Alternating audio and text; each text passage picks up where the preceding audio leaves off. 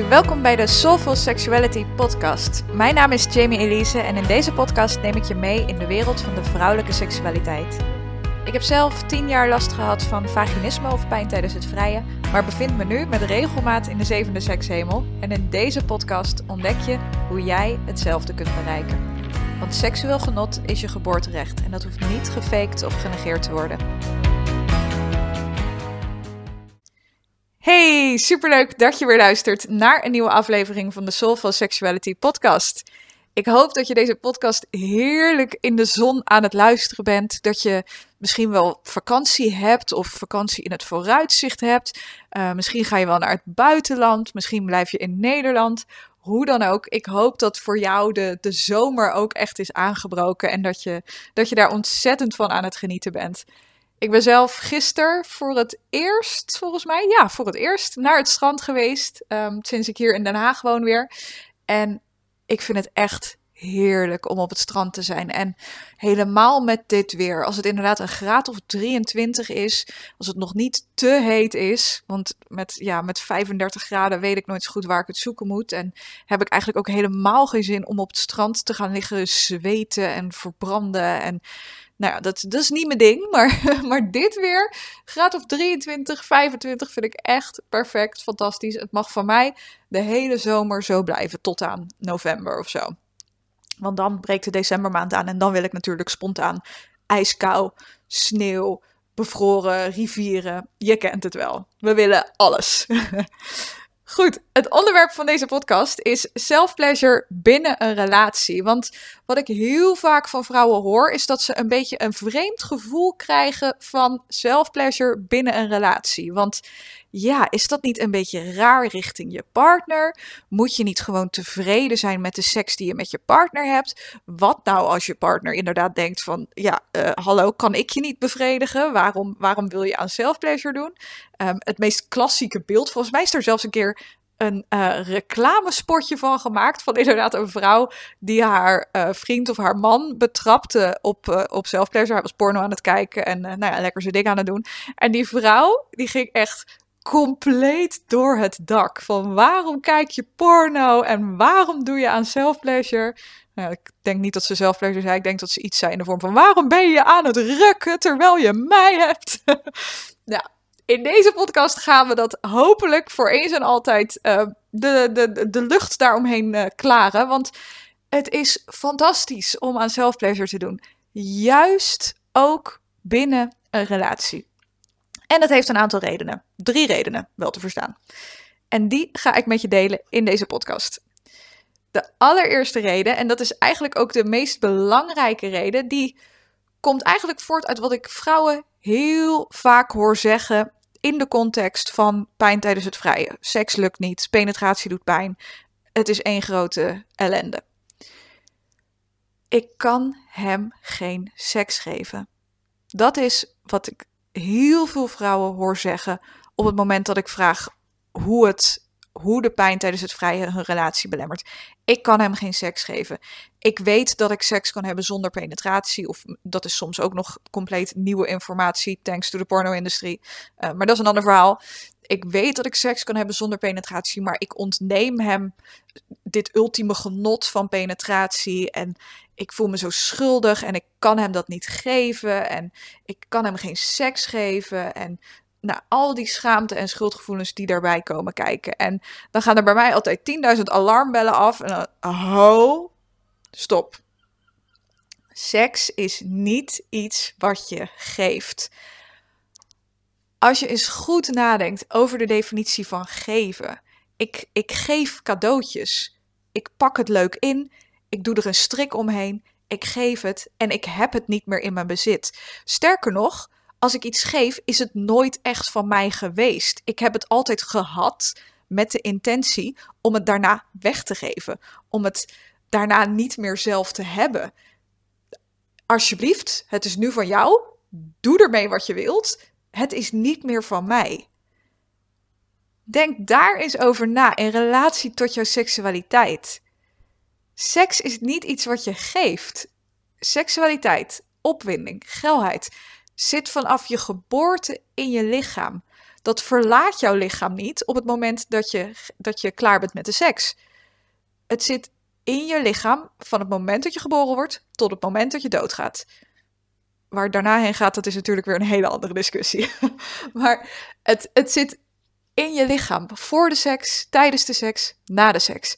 Het is niet zo dat je dat, je dat aan je partner geeft. Dat je zoiets hebt van, nou hier, alsjeblieft, doe en later mee wat je wilt. En uh, het is toch niet van mij. En dat roept natuurlijk dat, dat hele ouderwetse beeld op van seks, wat we vroeger hadden. En wat soms nog wel eens een beetje door ons onderbewustzijn kan sluimeren. Zoals dat gaat met oude, onbewuste overtuigingen van hoe het vroeger was. Want vroeger werd vrouwen natuurlijk wel verteld dat ze verplicht waren tot het hebben van seks met hun man. Um, het is ook dat, dat hele maagd blijven tot het huwelijk. Je, je, je wordt weggegeven door je vader. Je geeft jezelf weg. En nogmaals, als dit, als dit jouw tradities zijn, prachtig. Ik heb absoluut niets tegen inderdaad uh, religie of inderdaad um, um, tradities die erbij komen kijken. Maar waar ik jou en iedereen wel bewust van wil maken, is dat dat bepaalde onbewuste overtuigingen met zich mee kan brengen, die jouw seksuele genot nu in de weg zitten. Goed, dat he die hele notie van, van, van seks weggeven aan je man is een hele ouderwetse van, van, van jaren geleden, waarin vrouwen inderdaad wel het gevoel hadden verplicht te zijn tot seks met hun man. Want anders zou die weggaan en zouden ze financieel of anderzijds onveilig zijn. Niet meer die zekerheid hebben. Um, ja, niet meer die, die veiligheid hebben van, van een man om hen heen. En het kan zijn dat jij onbewust die angst ook nog hebt. Als ik hem geen seks geef, dan gaat hij bij me weg. Als ik hem geen seks geef, dan gaat hij het buiten de deur zoeken. Wat echt zo ontzettend belangrijk is, is dat je seks, jouw seksualiteit, niet meer gaat zien als iets wat je weggeeft. Je mag het echt gaan zien als iets wat je deelt. En als je kijkt naar de definitie van delen, dan betekent het letterlijk dat je ook een stukje voor jezelf houdt. Er is een stukje voor jou en er is een stukje waar je samen van geniet met je partner. Net als dat je een, een, een zak chips deelt. Je eet zelf chips en je partner deelt, eet chips. En samen genieten jullie van de chips. Zo is het ook met seks. Je, je geniet zelf alleen van je eigen seksualiteit. En je geniet van jouw seksualiteit samen met je partner. Seks is niet iets wat je geeft. Seks is iets wat je deelt. En kunt het niet delen als je niet. Dat, dat gaat die hele definitie van delen, staat dat in de weg. Je kunt het niet delen als je niet ook een stukje voor jezelf houdt. Ja, je kunt het wel proberen, maar dan geniet je er zelf niet van. Als ik een zak chips niet deel, maar weggeef, geniet ik zelf niet van die chips. Ik snap niet hoe ik bij het voorbeeld van chips kom. Je kan nu nooit meer chips eten zonder aan seks te denken. Trust me. Ik niet meer in ieder geval. Anyhow, als je het weggeeft, betekent dat dat je er zelf niet van geniet. Je maakt er dan waarschijnlijk niet eens een prioriteit van. Als jij er maar van geniet. Hier, het is van jou. Doe jij er maar mee wat je wilt. Geniet jij er alsjeblieft van, zodat jouw jouw behoeftes weer even vervuld zijn. En, en ik daar weer even, weer even opgelucht van adem kan halen. En jouw behoeftes zijn vervuld, mijn behoeftes doen er niet toe. Nee, dat is echt een hele ouderwetse manier van naar seks kijken. En daar houden we mee op. In ieder geval in deze soulful sexuality wereld. Seks is niet iets wat je geeft, het is iets wat je deelt. En om het te delen, zul je met je eigen seksualiteit verbonden moeten zijn. En dat is precies wat self-pleasure voor jou kan doen. Door regelmatig aan self-pleasure te doen, zul je je verbinden met je seksualiteit en zul je het kunnen delen met je partner. Zul je er samen van kunnen genieten. Goed, dat was de allereerste reden waarom self-pleasure binnen een relatie eigenlijk zo ontzettend belangrijk is. En ja, weet je, het is ook. Ik, ik probeer het ook echt als iets te zien wat niets zegt over jou of je partner. Het is een hele andere vorm van seks. Als jij boos bent omdat jouw partner masturbeert terwijl die ook seks met jou kan hebben, ehm, met of zonder penetratie, uiteraard. Ja, vraag je dan eens af waar je precies boos om bent. Masturberen, self-pleasure, is een hele andere vorm van seks. Het is, het is een hele andere vorm van seks dan het samen doen. En het is puur een manier om van je eigen lichaam en van je eigen seksualiteit te genieten. Jullie zijn niet de baas over elkaars lichaam. Jij bent de baas over jouw lichaam. Jij bent de baas over alles wat zich in jouw lichaam afspeelt, inclusief je seksualiteit. En daar mag je mee doen en laten wat, wat, je zelf wilt. Daar mag je van genieten en dat mag je delen. En als dat voor jou geldt, geldt dat natuurlijk ook voor je partner. Dus als jij inderdaad echt zoiets hebt van, nou, ik vind het echt niet kunnen dat mijn partner um, een potje gaat lopen rukken terwijl wij een relatie hebben, dan mag je je echt afvragen wat daaronder zit. En ik vermoed dat dat wel eens iets kan zijn als onzekerheid dat hij er met jou niet van geniet. Um, onzekerheid over je eigen bedprestaties. Um, onzekerheid, onzekerheid, angst, angst, angst. En dat is iets wat je in dat geval mag gaan onderzoeken. En dat is ook iets wat je in dat geval hoogstwaarschijnlijk eens met je partner mag bespreken. Want als je dat met hem bespreekt, is de kans heel groot dat hij zegt dat hij niets liever wil dan ook met jou van seks genieten. Goed. Kleine preek, maar ik hoop dat hij, dat geland is en dat je hem ergens op de binnenkant van je oogleden tatoeëert. Seks is iets wat je deelt. Seks is niet iets wat je geeft. Goed, de tweede reden waarom het een fantastisch goed idee is om aan zelfplezier te doen terwijl je een relatie hebt, is dat er niets is wat jou zo goed leert wat je wel en niet wilt als zelfplezier. En tuurlijk kan je daar ook achter komen met je partner. Tuurlijk kan jouw partner je op een bepaalde manier aanraken. En dat je denkt, oké, voelt goed. En dan je vervolgens op een andere manier aanraakt. En dat je denkt, oh, oké, nee, ik weet niet waar je nu mee bezig bent, maar hou daar maar mee op. Dit gaat niet werken. Wat dat echter betekent, is dat je jezelf in jouw ervaring beperkt tot het seksscript van jouw partner. En de kans is heel groot dat jouw partner, net als jij, is opgevoed en is opgegroeid met een mannelijke kijk op seks. En wat we in de pornofilms zien en wat we, wat we over seks horen, geeft een beetje het beeld dat van, nou ja, als we maar een beetje aan de clitoris zitten en uh, vervolgens penetratie, en, en dan moet zij het ook wel naar de zin hebben. Dan moet zij ook wel genieten. No way. Think again. Er zijn echt nou ik weet niet hoeveel, maar ik durf te wedden, meer dan 100 manieren om je clitoris aan te raken.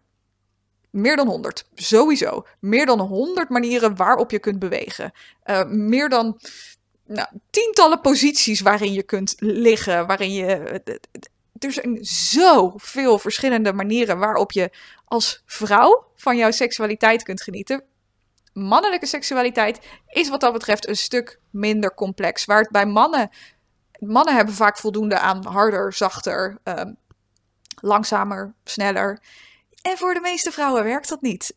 Voor de meeste vrouwen moet er, kan daar ook iets anders bij komen kijken. Als inderdaad rondjes draaien, daar strelen, daar strelen. Ik heb het in een andere podcast volgens mij ook al gezegd. Dat de, de zenuwuiteinden van de clitoris, die, zijn, die, die bevinden zich door jouw gehele vulva en vagina. En die zijn voor geen twee vrouwen op dezelfde manier gewired. Dus er zijn ik kan echt even geen Nederlands woord voor gewired bedenken. Trouwens, bedenk ik me nu.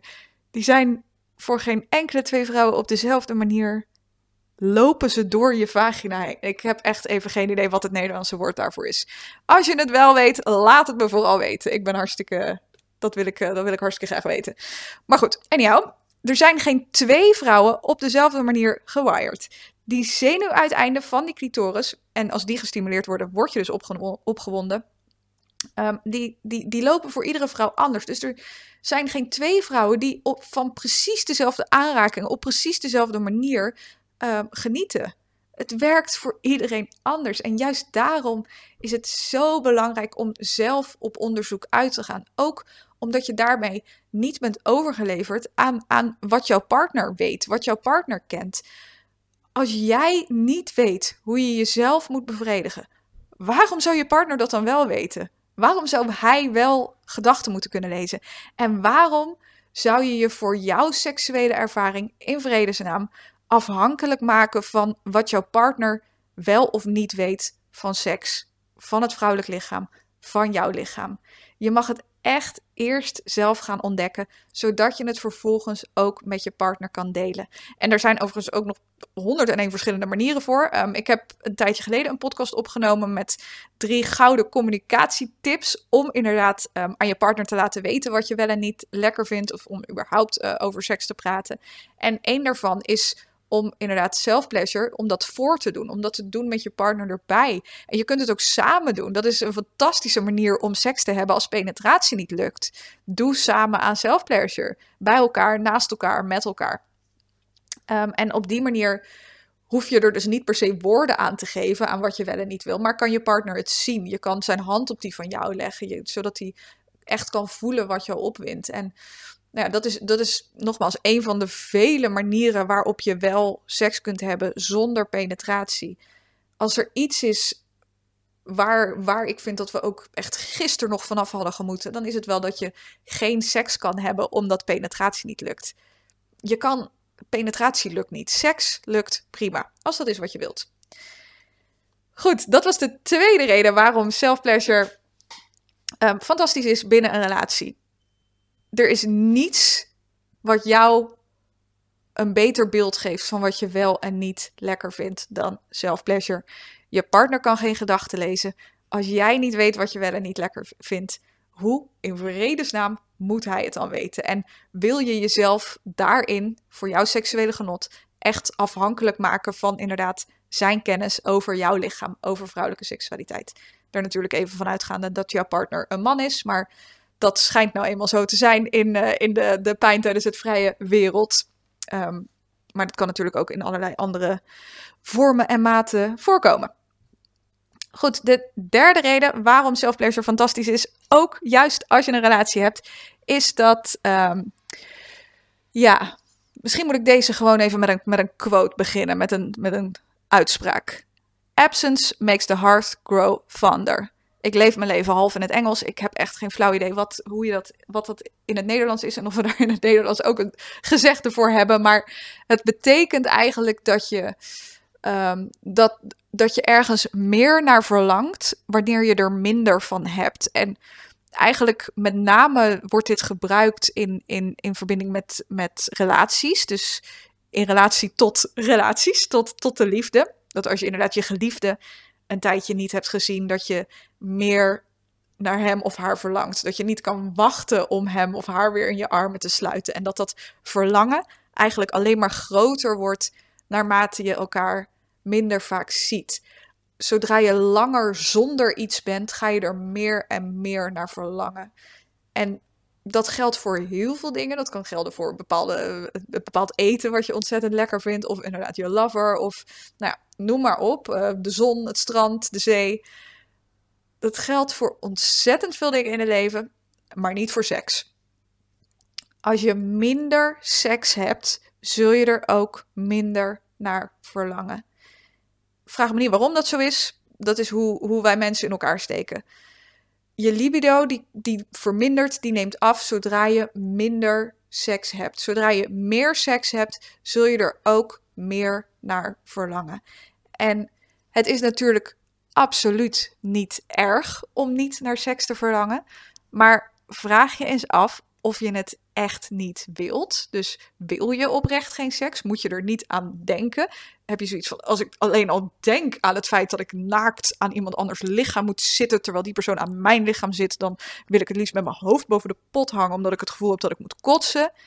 Ja, weet je, doe het dan niet. Doe het dan vooral niet. Je, net zoals dat je nergens verplicht bent tot penetratie, ben je nergens verplicht tot seks. Maar ik spreek ontzettend veel vrouwen die zoiets hebben van, ja, ik weet niet hoor of ik dat, uh, dat vaginisme en die pijn tijdens het vrije wel wil overwinnen. Want volgens mij kan ik een prima leven leiden zonder seks. Ja, vraag jezelf dan eerst echt eens af of je echt niet naar seks verlangt. En inderdaad naar een orgasme, naar die intimiteit, naar die connectie en naar die verbinding die daarbij komt kijken. Of dat je het nu gewoon niet voelt. En denkt dat je daarom niet naar seks verlangt. Want dat zijn twee hele verschillende dingen. En wat daarbij voor vrouwen ook nog eens extra belangrijk is, is dat voor 80% van de vrouwen geldt dat ze niet spontaan opgewonden raken. Wat dus betekent dat, dat als jij op de bank zit is de kans heel klein dat je naar links kijkt, je partner ziet en denkt: Zo, kom jij eens even hier. Nee, de meeste vrouwen, 80% van de vrouwen, moeten op een bepaalde manier geprikkeld worden voordat dat, voordat dat seksuele verlangen uh, ontspringt. Voordat je zoiets hebt van, zo, nou, kom maar door hoor, ik heb er best zin in. Daarvoor moet je op een bepaalde manier worden aangeraakt, of je moet iets zien, of iets horen. Er moet iets gebeuren. Je moet op een bepaalde manier geprikkeld worden. Wil dat verlangen ontstaan? Dat verlangen naar seks, dat verlangen naar je partner. Ja, voor 80% van de mannen is dat juist precies andersom. De kans dat hij naar rechts kijkt, jou ziet en denkt: Zo, kom eens even hier, is ontzettend groot. En dat is ook waar die hele mythe vandaan komt van inderdaad dat mannen zoiets hebben van, oh, ik wou dat zij wat vaker het initiatief nam. Dat het is niet meer dan logisch dat je dat niet doet als je er geen zin in hebt, als je dat verlangen naar seks niet voelt. Maar weet dat dat verlangen hoogstwaarschijnlijk vanzelf op komt zetten zodra je begint. En nogmaals, je bent natuurlijk nergens toe verplicht. Ik hoop echt dat dat inmiddels duidelijk is. Maar gaan zitten wachten tot je verlangt naar seks ja, dan kan je echt in de meeste gevallen wachten tot je een ons weegt. En natuurlijk ook niet altijd, en dit geldt ook niet voor alle vrouwen, maar in de meeste gevallen heb je iets nodig. Iets van een aanraking, iets van een beeld, iets van een geluid, weet ik veel. Misschien word jij wel opgewonden als je je buren tekeer hoort te gaan. Niets, uh, niets is mij nog uh, vreemd tegenwoordig. Dus uh, weet je, er, er moet iets gebeuren voor de meeste vrouwen. Willen ze verlangen naar seks? En inderdaad, echt niet verlangen naar seks, dus inderdaad als je aseksueel bent, dat is iets heel anders als nu dat verlangen niet voelen, nu niet verbonden zijn met dat verlangen. En wat ik voor jou wil, is dat je je daarin geen slachtoffer meer voelt van de omstandigheden. Dus inderdaad, oh, ik word nooit opgewonden, of oh, ik, ik, ik ben niet verbonden met mijn seksualiteit, of ik heb vaginisme, dus ik kan helemaal geen seks hebben. Nee, daar, aan dat alles is iets te doen. Als je oprecht niet, niet verlangt naar seks, is dat prachtig. Dan, eh, eh, dat, volgens mij noemen ze dat aseksueel, dan ben je inderdaad aseksueel. Fantastisch, prachtig. Heb dan geen seks. Je bent nergens toe verplicht. Maar als jij zoiets hebt van, oh nee, wacht eens even. Zolang als ik op deze aarde rondloop, in dit, in dit menselijk lichaam, wil ik van alles kunnen genieten wat dit menselijk lichaam te bieden heeft. En een van de meest prachtige cadeautjes, naar mijn mening, van ons lichaam is seks, is een orgasme, is inderdaad seks, die verbinding met je partner. En als dat ook iets is wat jij wilt ervaren, weet dan dat je niet hulpeloos bent overgeleverd aan de mate van verlangen die je voelt, aan het feit dat penetratie nu niet lukt. Aan alles is iets te doen, zolang je het maar wilt. Kan niet, bestaat niet. In mijn wereld in ieder geval. Goed, dat waren de drie redenen waarom self-pleasure zo ontzettend fantastisch en belangrijk is. Ook juist als je in een relatie zit. En ik hoop ook echt dat je, ja, dat je je nu, dat je je kan afvragen wat er inderdaad achter zit. Als je, als je voelt dat je, dat je boos wordt of dat je een beetje beledigd bent als je partner een potje met zichzelf bezig is, terwijl die dat ook met jou kan doen. Je seksualiteit is in de eerste plaats echt van jezelf en je mag ermee doen en laten wat je zelf wilt. Het is een cadeautje van moeder natuur wat zich vanaf je geboorte in je lichaam bevindt en um, ja, daar mag, je, daar mag je zelf van genieten. Daar mag je samen met je partner van genieten. Um, Goed, de drie redenen. Ik zal ze nog even noemen op een rijtje. De eerste, seks is iets wat je deelt, niet iets wat je geeft. En de hele definitie van delen is dat je ook een stukje voor jezelf houdt. De tweede reden is dat je door aan self-pleasure te doen ontzettend goed weet wat je wel en niet wilt. Um, en dat je daarvoor dus niet meer bent overgeleverd aan wat je partner wel of niet bij jou doet, maar dat je zelf op onderzoek uitgaat. En de derde reden is dat verlangen naar seks toeneemt zodra je meer seks hebt. Dus als dat is wat je wil, maak je kamer klaar vanavond, morgen of, of nu meteen. En dim het licht, zet een, steek een kaarsje aan, zet muziek aan. Doe whatever jij nodig hebt om inderdaad in die ontspannen setting te komen. En uh, maak er een feestje van met jezelf. Weet je, life is too short. Maak er een feestje van. Goed, dit was hem voor deze week. Ik hoop dat, uh, dat de podcast waardevol voor je was. Je mag dat me altijd, altijd, altijd laten weten op Instagram, Coaching. Dat vind ik alleen maar ontzettend leuk, want ik ben hier ook maar een beetje in het luchtledige aan het kletsen. In de hoop dat jullie er, uh, er iets aan hebben. Dus ik vind het heel leuk om van je te horen. En uh, heel graag tot, tot de volgende aflevering. Tot volgende week.